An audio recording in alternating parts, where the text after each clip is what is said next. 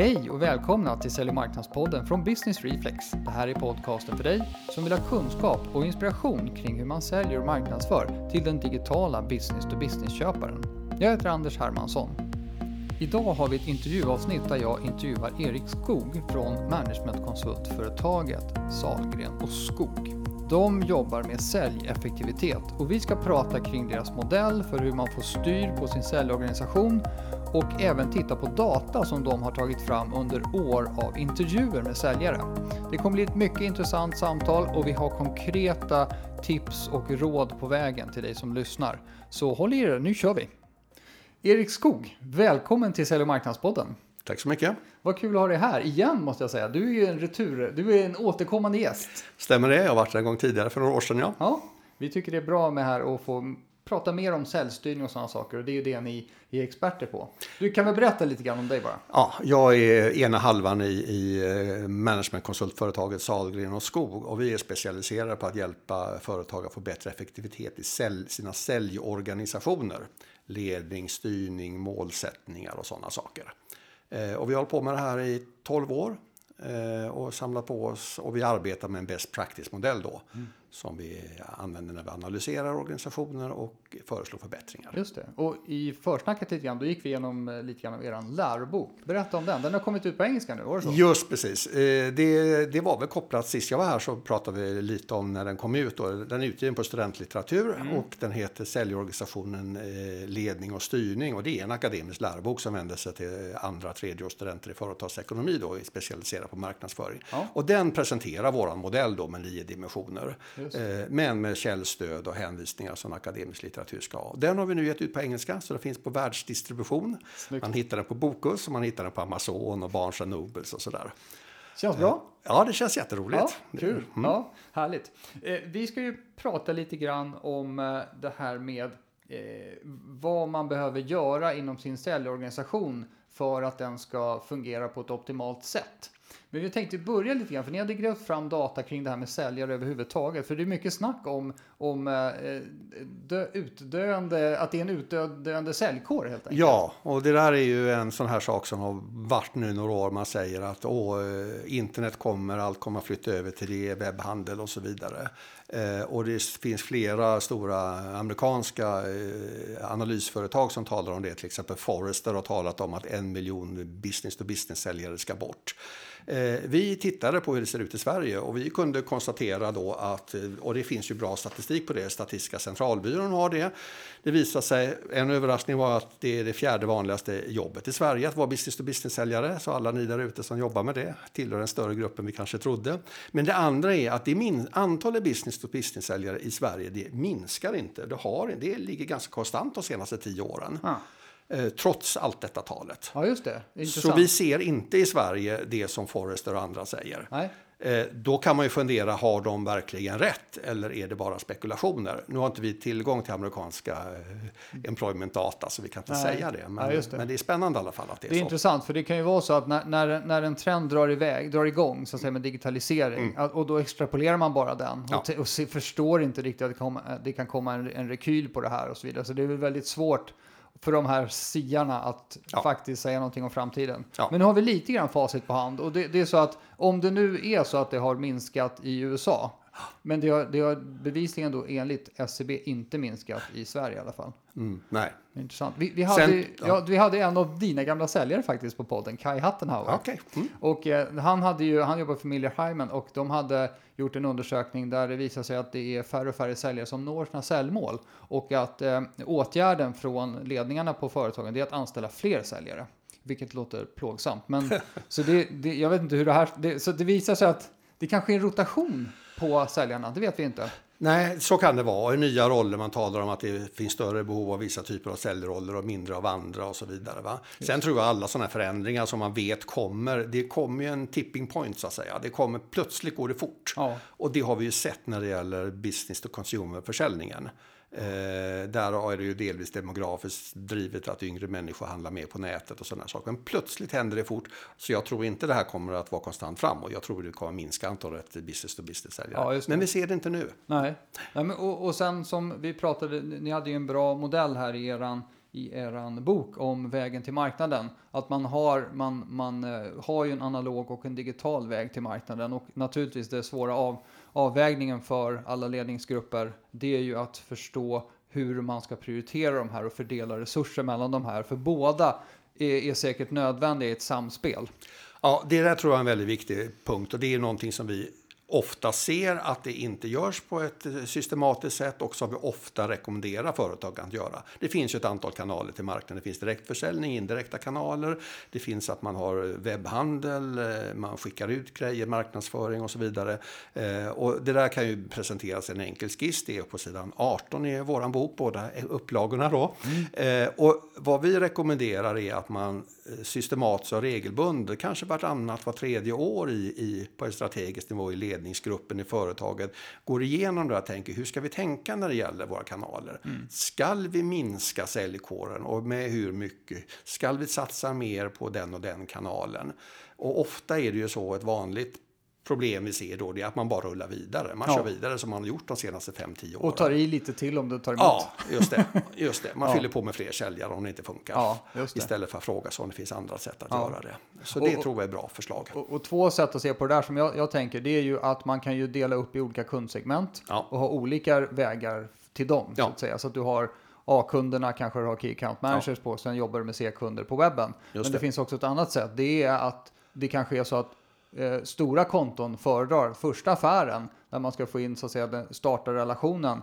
Där krävs det att man har business to business-säljare som etablerar kontakten. Men sen kan det vara att kunden föredrar sen att de följande transaktionerna ska gå väldigt ja. lätt via e-commerce till exempel. Mm. Så att man kan se på det ur två perspektiv. Då. Det tror jag är väldigt bra kommentar. Och det intressanta är ju för, för alla oss då som har köpt saker på nätet att för fem år sedan så skulle allting vara självbetjäning och man fick egentligen ingen hjälp alls. De svarade inte på telefon. Mm. Nu är det ganska vanligt i den typen av försäljning att det kommer upp en pratbubbla. Eh, vi är tillgängliga på chatten, ta kontakt med oss ja. eller ring om du behöver hjälp att komma igång och så vidare. Va? Ja. Så, så det har man ju insett i de som är drivna på, på, på eh, elektronisk försäljning. Just det, att det finns en lätt väg till att få personlig ja. kontakt om man vill det. Just ja, det tror jag också är viktigt så att det inte blir omöjligt att höra av sig. Nej. Mm. Bra, du, eh, du nämnde att ni har varit igång med ert företag en hel del år och samlat in en massa data. Mm. Eh, och ni har gjort det strukturerat enligt er best practice-modell med nio perspektiv. Ja. Så jag tänkte, ska vi gå igenom de perspektiven först och berätta lite grann vad de, och egentligen, vad syftar modellen till? Ja, modellen syftar ju till att, att man ska eh, gå igenom nio områden och försäkra sig om att man gör så bra som möjligt inom de där områdena. Mm. Och det är också en bra modell för att för att identifiera eventuella svagheter man har. Så det är en best practice-modell och den har vi, det är vi som har, som har utvecklat den och skrivit ner den på det sättet som den är presenterad här. Mm. Men vi har ännu aldrig träffat någon som arbetar professionellt med business to business-försäljning som inte känner igen sig eller som tycker att det där verkar lite teoretiskt och konstigt. Utan det är, det är en sammanställning av våra personliga erfarenheter och mycket av den, ska vi kalla det anglosaxiska säljkulturen som, ja. som finns. Och, och, och, själva syftet med det att få en metod för att uh, ha koll på sin Ja, själva och... syftet är att, att uh, systematiskt gå igenom områden och se till att man arbetar på ett effektivt sätt. Mm, just det. Det är det. Mm. Eh. Intressant. Vet du vad? Eh, vi, även om det kan vara svårt för lyssnarna att hålla nio dimensioner i huvudet så tycker jag i alla fall att du ska gå eh, och igenom dem. Ja. För att det, det går ju att spola tillbaks. Ja, det gör det. Ja, just det. Den första dimensionen är kundfördelning och bearbetning. Det är vem ska säljaren sälja till? Ja. Den andra är målsättning, uppföljning och belöning. Har man mål för säljarna? Följs de upp? Hur belönar man dem? Mm. Det tredje är synliggörande av presentationer. Det är sånt där som säljtävlingar, rankinglistor, äh, återkoppling. Ja. Det fjärde är prognostisering, att säljaren committar sig framåt. Äh, det femte är uppföljning av affärsmöjligheter. Det är det som man talar om, tratt och pipeline och sånt där. Ja. Uh, och det sjätte är individuell uppföljning och coachning. Uh, att man sitter eller står med säljaren regelbundet eh, och coachar. Vad har du gjort den här veckan? Vad ska du göra nästa vecka? Vad behöver du hjälp med? Eh, och den sjunde är det här med aktivitetsnivå planering. Har man mål för vad man ska göra, inte bara mål för vad man ska uppnå resultat och finns det stöd för att jobba strukturerat med det, blockar man tid och sådana saker. Eh, det åttonde är gemensamma besök på fältet. Mm. Att, säljaren, att säljaren får med sig sin chef ut. Inte för att han själv ska briljera utan för att coacha och förstå hans verklighet. Och det nionde är handlingsplan för prestationsförbättring. Vad, har, man, har man någonting som man lägger in när någon slutar sälja eller det går sämre för någon? Eller vad gör man när en ny säljare inte kommer upp på bana? Ja. Så där har vi våra nio viktiga områden. Precis. Så man koll på dem där. Och då är det så att ni har samlat in data historiskt sett genom att intervjua. Berätta mer om det. Hur har det gått till? Liksom? Ja, det har gått till så att vi har fått uppdrag då av företagsledningar eh, och i vissa fall ägarsfärer som har kopplat in oss då, va, eh, till bolag. Och så har vi intervjuat själva eller med hjälp av, av underkonsulter eller eh, partners i de fall vi har jobbat i andra länder. Vi har jobbat faktiskt i 16 länder på, mm. på sex olika språk. Och då har vi intervjuat. Vi har haft ett intervjuformulär där vi sitter med säljaren och intervjuar i en, en timme, en kvart, en och en halv timme. Och ställer frågor som sen kan sammanställas så vi kan sätta ett, kalla det betyg då för de här dimensionerna. Okay. Eh, och efter 12 års eh, samma, intervjuande och sammanställande så har vi då en hel del data på ja, det här. Verkligen. Och vi har jobbat med, med nordiska bolag kan man säga. Ibland följt dem med ut internationellt. Okay. Ja, vad bra. Det är relevant för den här podden i alla fall. Det är ju suveränt. Eh, och eh, den, den, här informationen som ni har sammanställt här då, då har vi, du och jag tittar just nu på en graf. Mm. Och vi, vi tittade på den innan vi skulle spela in och då så finns det två områden som sticker ut lite grann. Du får berätta om dem. Just det. Eh, de, de två områden där svenska nordiska företag ligger lågt, eh, ganska konsekvent då, det är, det är synliggörande av prestationer. Eh, man är inte så bra på att visa hur det går för säljarna. Man är, har inte så mycket säljtävlingar, man kanske inte har rankinglistor och så vidare. Dålig på feedback helt enkelt. Det är det ena området. Och det andra området är det här med vad, att man, vad händer när någon halkar efter i försäljningen. Det händer ingenting. Man låter den stackaren gå och må dåligt istället för att hjälpa den upp på banan igen, lite, lite slarvigt uttryckt. Ja, just det. Vet du vad jag kommer att tänka på? Vad Luthers det här är. Bra, nu ska vi prata om de två sämsta områdena. Ja, just det, just det. Ja, det kan man göra. Ja. Det är roligt. Nu, nu har inte jag frågat dig innan, men vilket, vilket område är det vi är riktigt bra på här i Sverige och Vi är ganska bra på det här med målsättning och uppföljning av det. Alltså okay. inte, inte synliggörande av det, utan man, men målsättningar. Det, det är i allmänhet när vi frågar säljarna vad är ditt mål och hur ligger du till, så vet de det. Ja, okay. Det betyder det. Ja. Däremot kanske inte de andra vet det om man får inte det här synliggörandet. Nej, det blir det mellan mig och chefen. Lite grann, ja, just ja, jag förstår. Mm. Ja, Men det. det är vi ganska bra på. Ja, det intressant. Du, ska vi dyka ner lite grann i, eh, i det, här, det första området som har då med med synliggörande av prestation. Mm. Eh, och vad, vad, vad är din eh, analys av det här? Om du ska analysera eller spekulera vad vi nu vill ja, göra. Ja, det blir ju lätt att man kommer in på sånt som inte finns så mycket forskningsevidens ja, på. Då, exakt. Men låt oss ändå spekulera. Jag tror att, jag tycker det är lite paradoxalt. Vi brukar ju säga det att i väldigt, väldigt många sammanhang så gillar man ju verkligen det här med, med listor och hur det går. I korpfotboll och eh, det finns tennisstegar och badmintonstegar vägar i fritidsbyar och sådana här saker. Men just är det många företag, speciellt de med, med, med svensk, nordisk bakgrund, eh, i de som har amerikanska föräldrar så brukar det här vara, vara på plats. Va? Mm. Där man drar sig lite för det här och man tycker att när man ska inte hänga ut folk eller det, det, är liksom, det kan kännas lite jobbigt om man kommer längre ner på listan och sådana saker. Jag tror att det är eh, jag tror att det är sådana psykologiska saker. Ja. Eh, att vi jobbar gärna i grupp det är, lag, det är, det är i laget, inte jaget och sådana ja, saker. Just det. Och man ska inte sticka upp över de andra kanske. Nej, utan kan vi vara till, lika så är det kanske bra. Kanske lite så också. Mm. Vi kan leka att vi är likadana om vi inte synliggör våra skillnader. Ja, just ja, det. Ja, ja det, är, det är en trevlig illusion. Ja.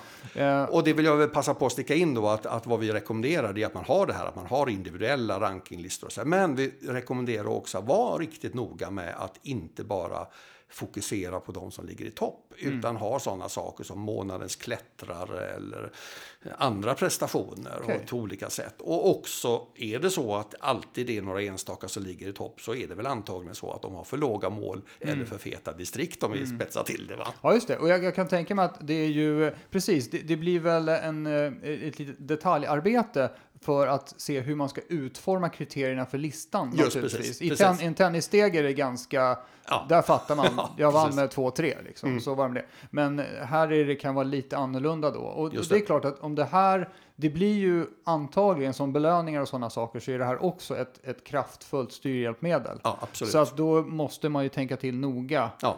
Skulle du säga att det finns, finns det något, om man skulle gå in på det, en, de här rankinglistor som så att säga fungerar, är de, jag kan tänka mig att de ska vara konkreta, men är det så här, ja, det är orderingång, det är det man kör på, punkt slut? Eller? Nej, det får man se. Det, det får man anpassa efter Mm. bransch och företag. Ja, så det är individuellt? Ja, det tycker jag. Liksom det, kan vara, det finns för och nackdelar med olika modeller. Orderingång är bra, men då kan det ju bli backorder och så finns inte de med till exempel. va? Ibland är, det, är det installation tre, tre månader eller nio månader efter order. Då kanske inte det är så relevant. Och, och tvärtom. Ibland är det lönsamhet som är det viktigaste. Och då är marginalen, bruttomarginalen viktigare och så vidare. Nej, det får man ta. Mm. Det får man ta. Det får Men man finns det någon princip att det som, det du sa just, jag tänker på det, det här med att man skulle kunna ta fakturering eller betalning. Men det kan ju i vissa företag dröja oerhört lång tid. Ja. får- Så det ska vara någonting som är nära inpå.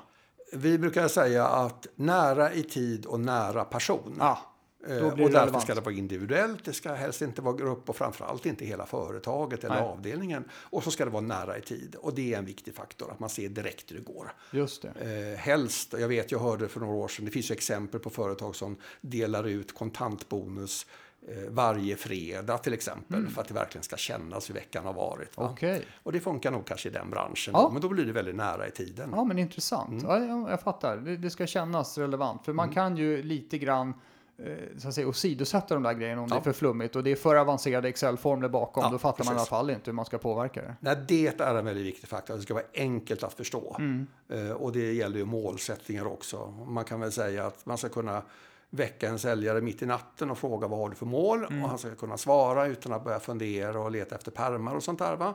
Och det är samma sak, hur ligger du till? Och hur ligger du till relativt andra och sånt där. Just det ska det. gå att svara Ja, på. Pang. Spännande. Då, då, tänks, då är det då, ehm, eh, vi har då data som pekar på att svenska nordiska företag ligger lite lågt på den här, just den här dimensionen. Vad, vad skulle du säga att det får för konsekvenser och, och med andra ord, vad är det som skulle kunna förbättras i och med att man gör det här? Alltså det är en otroligt stark motivator Mm. att man ser hur det går för sig själv och andra. Eh, och, det, det, och det är den viktigaste saken. att- vi tyck, det är ju därför vi har de här tennisstegarna och korpfotbollen Ja, och sånt där. ja. Att det är motiverande. Eh, och vi har ju exempel på, det är ju en sån här sak som, som diskuteras i, i just när det gäller professionell försäljning, hur viktigt det är med provisionslöner och bonuslöner Mm. och resultatlöner och relativt fast lön. Och det där har ju modern motivationsforskning visat att det inte är självklart så positivt som man trodde förut. Då, va? Men vi har ju sett flera exempel på företag som inte har resultatlön men som är väldigt duktiga på synliggörande Ja. och åstadkommer väldigt fina resultat. Okej, intressant. Eh, så det kan, om man vill, ersätta resultatlön och det är väldigt motiverande. Mm. Indirekt så kan det också peka på eventuella luckor och problem i verksamheten. Men Ja, det tycker vi inte man ska använda det i första hand Nej. till. Det får man fånga upp på andra sätt. Ha, har du någon, eh, någon erfarenhet av eller, eller åsikt på, i, i, ska alla ingå i listan? Eller ska det säga det här är topp fem och resten av er 15, ni ligger och skvalpar utanför listan. Lycka till! Eller hur ska Vi man? tycker alla ska vara med. Okej, så det ska vara hela gänget? Mm. Det tycker vi. Ja, ja, ja, det är in- intressant. Jag, jag tänker själv som, som hyfsat dålig säljare, hur jobbigt det här skulle vara för mig. Ja, fast det handlar ju då om hur det presenteras och hur chefen kommenterar och sådana här saker. Och att man hittar andra mått. Ja. Man ser över mm, eh, bearbetningsansvaren och man hittar sätt att förklara och motivera varför lig- vissa ligger som de ligger och så vidare. Och sen måste man ju ändå våga visa hur det ser ut. Ja. Det, är ju, det är ju, att vara säljare är ett exponerat jobb. Ja, just det. Det är Och det det är därför man har ganska bra betalt. Mm. Och eh, det är ett krävande men, men eh, lönande arbete. och då får man ta det goda eh, men också det är Ja. lite jobbiga ibland. Ja, så är det. Bra, och, och då kommer vi in liksom lite grann på det andra området där, där bolagen ligger i, i Sverige och Norden ligger lite lågt. Då. Mm. Ja, det är ju det här att ta tag i när prestationerna svackar. Just det. Och, och hur kommer det sig att man inte gör det då? Ja, där tror jag det är missriktad snällhet. Eh, eller om vi ska vara riktigt eh, tydliga, att man är lite konflikträdd. Man Mm. vill inte framföra negativa saker. Eh, Så cheferna tycker det är lite jobbigt att ta upp det här Ja, och göra någonting åt det. Förstår. Ja, det, det, det kan jag känna igen också. Det är klart att man tar ju hellre det här klapp på Ja. ryggen-samtalet än det där, ja, man då säger det jobbiga samtalet. Ja. Även om det är det jobbiga samtalet som är det mest hjälpande såklart. Just precis. Och det här är ju naturligtvis ett, jag tror att alla vi som har varit ute och arbetat i säljorganisationer vet hur, hur, hur dåligt det kan vara att man inte tar tag i det här. För vad vi, eh, vad vi tycker då är att man ska ha ett, en modell, eh, en objektiv eh, hantering av det här på det sättet att man har definierat gränser för när man ska sätta in eh, stöd och hjälp. Till exempel om man inte uppnår sin budget två kvartal i rad, då sätter vi oss ner och så gör vi en handlingsplan. Vi går igenom hur mår du, funkar allting hemma, all, även de andra sakerna. Ja. Och sen vad tror du det här beror på? Är det något vi kan göra? Nu kommer vi överens om att göra det här tillsammans. Chefen säger jag hänger med dig ut i, på kundbesök eh, varannan vecka och, och du får ytterligare utbildning och sen så lovar du mig att göra det här och det här och så träffas vi lite längre tid varje vecka och så någonting sånt. Och så dokumenterar man det. Ja, Eh, och eh, om motsatsen som var sett då, som är olyckligt, det är att det inte händer någonting. Personen tappar självförtroende. När man behöver hjälp och det går dåligt, det är just då man inte riktigt vill be om hjälp. nej. För man skäms. ja man har ju trots in. allt fått jobbet för att Ja. man var så himla bra på Ja, intervjun och ja. lovade att man skulle greja det. Exakt. Skammen som man undviker, man viker undan, man säger hur är det, går bra, och mycket på gång, det kommer och så vidare. Och sen så går, kanske har vi ju alla sett exempel på hur man har gått ner sig, kanske till och med eh, självmedicinerar med Ja. alkohol och allt Ja. möjligt. Va? Jag tror att... Eh, Ja, så det men- kan ju ta ganska missriktad snällhet, alltså den här snällheten att lämna Pelle eller Stina i fred fast de uppenbarligen inte säljer så bra som de brukade. Mm. Kan vara väldigt... Eh, ja, det kan vara... eh, Det, det låter rätt direkt grymt faktiskt. När du Faktiskt. förklarar på. Mm. Ja, eh, och och eh, det jag tänkte på när du sa, som lät väldigt bra, det var att vi, om vi då har belöningssystem och allting, där vi visar att vi kan springa till banken Mm. när det går bra, om man och har en offentlig princip för det. här, då blir det inte så skamfyllt Nej. egentligen, utan då är det ju ett hjälpsystem. Det är en väldigt viktig poäng i det här, att det här är ju någonting som man ska kommunicera med jämna mellanrum hur man ser på det och det gör man i, i, eh, i personalhandbok och sånt där också. Och då, då blir det inget konstigt. Och man får bort en annan effekt också. Man får bort den här effekten av att, att det finns folk, säljare tror att det finns något subbigt element. Eh, chefen gillar inte mig, det är därför han har satt in det här programmet. Just det. Nej, det handlar inte om gilla eller inte gilla. Det handlar om att nu ligger du efter två kvartal i följd Ja. och då gör vi det här. Just det. Oavsett. Annars kan det lätt spridas en uppfattning att det sitter någon irrationell, eh, känslomässig person där som letar efter någon att... Blame, alltså ja, ge blame, ja, skulden. precis. Pekar jag exakt. precis. Sitter och viftar med en pistol liksom. Ja. Och vem råkar komma i skottlinjen nästa gång? Just det. Ja, det och det är ju inte- väldigt destruktivt. Ja, verkligen. Eh, Vet du vad? Vi, när, nu när du pratar om objektiva kriterier och sånt där, då kommer jag att tänka på en annan grej vi pratade inför. Det var det att försäljning är ett numbers game.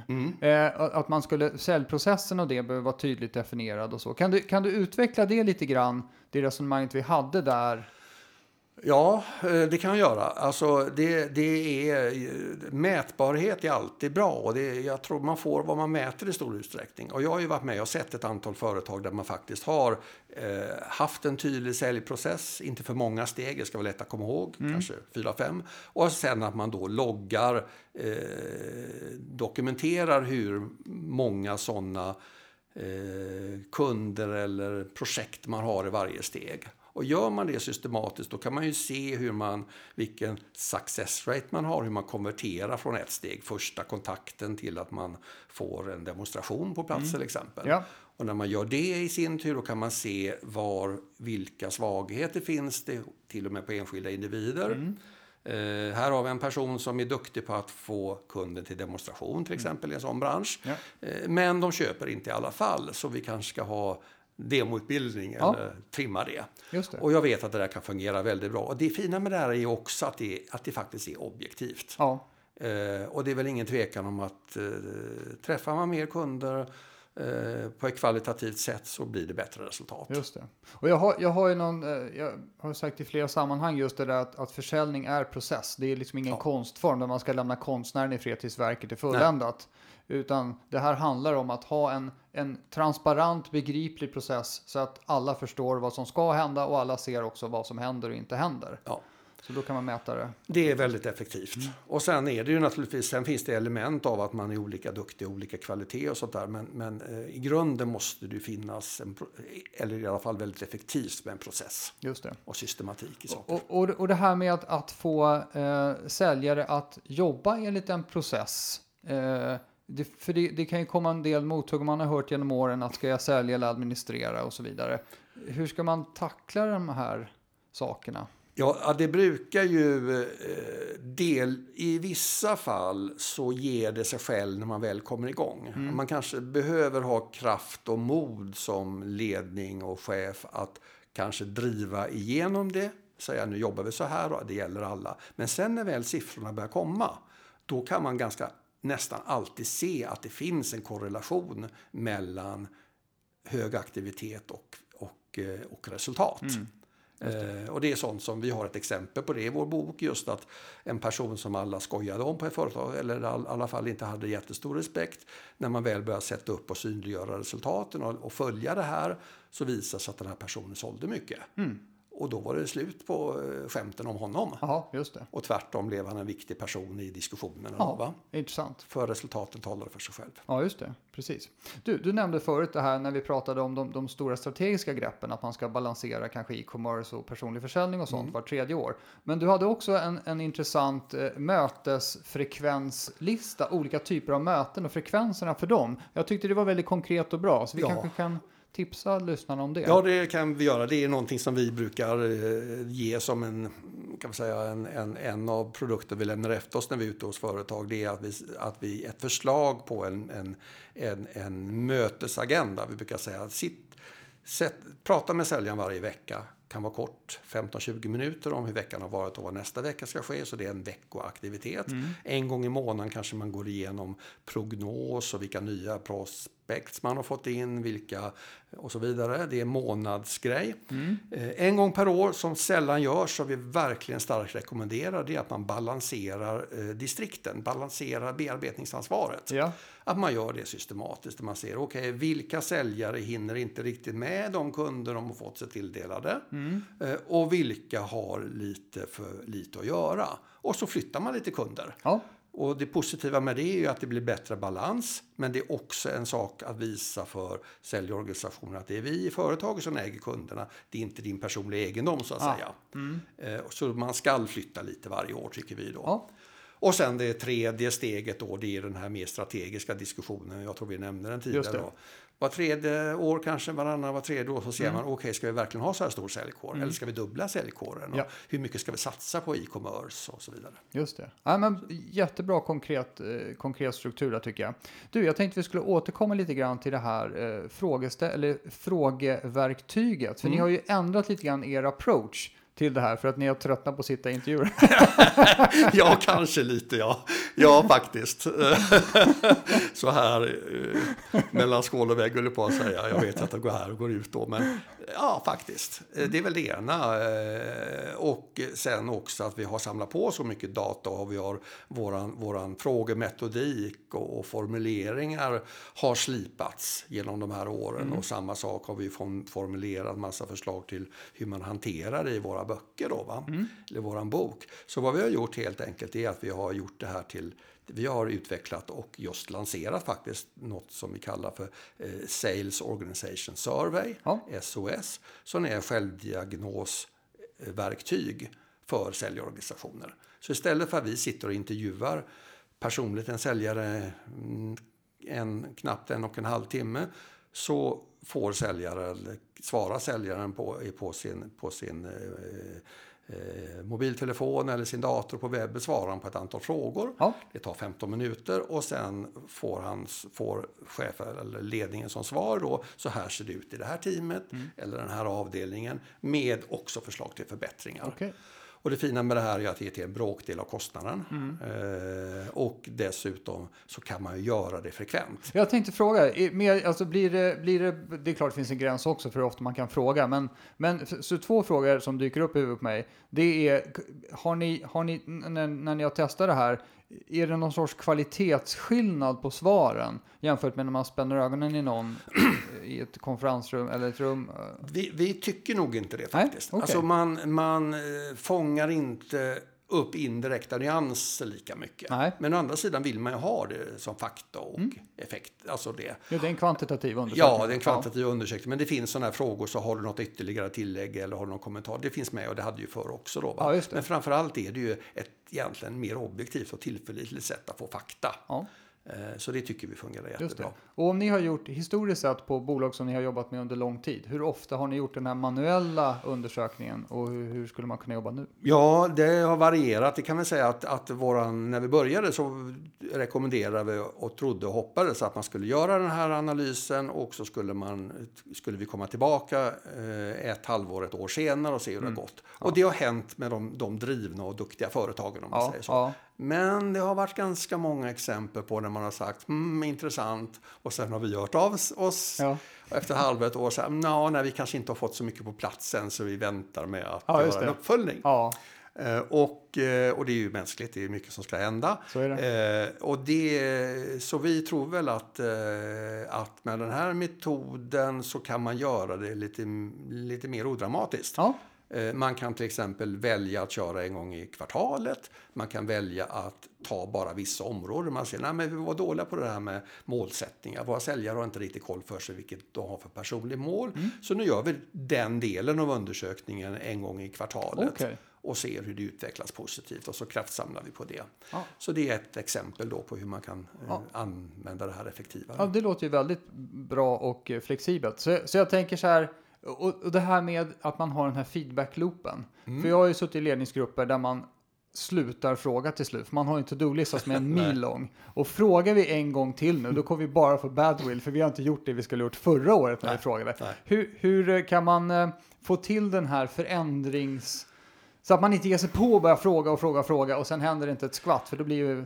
Ja, det är, ju, det är ju det som är ledarskap, att Ja. man prioriterar sin tid.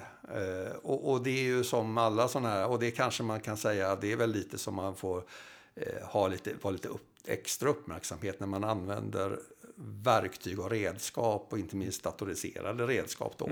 Alltså på samma sätt som om man har ett bra CRM-system så ska man ju ändå ta ut rapporten och diskutera med säljaren vad säljaren har på gång. Man ska ju inte sitta och knappa på bildskärmen och se hur säljaren jobbar utan man ska ha en kommunikation om det. Ja. Och det är ju samma sak med, med det här då att, att ja, man kan ju få fram hur det ser ut och man kan se resultat men man måste ju kommunicera kring det och bestämma sig för att genomföra saker och göra det med de här enkla sakerna. Man har en ansvarig och man har ett datum Ja, när saker ska vara gjort. Ja. ja. Eh, Som är ack så enkelt i teorin. Eller hur? Men lite tufft Reality i strikes. Ja. Ja.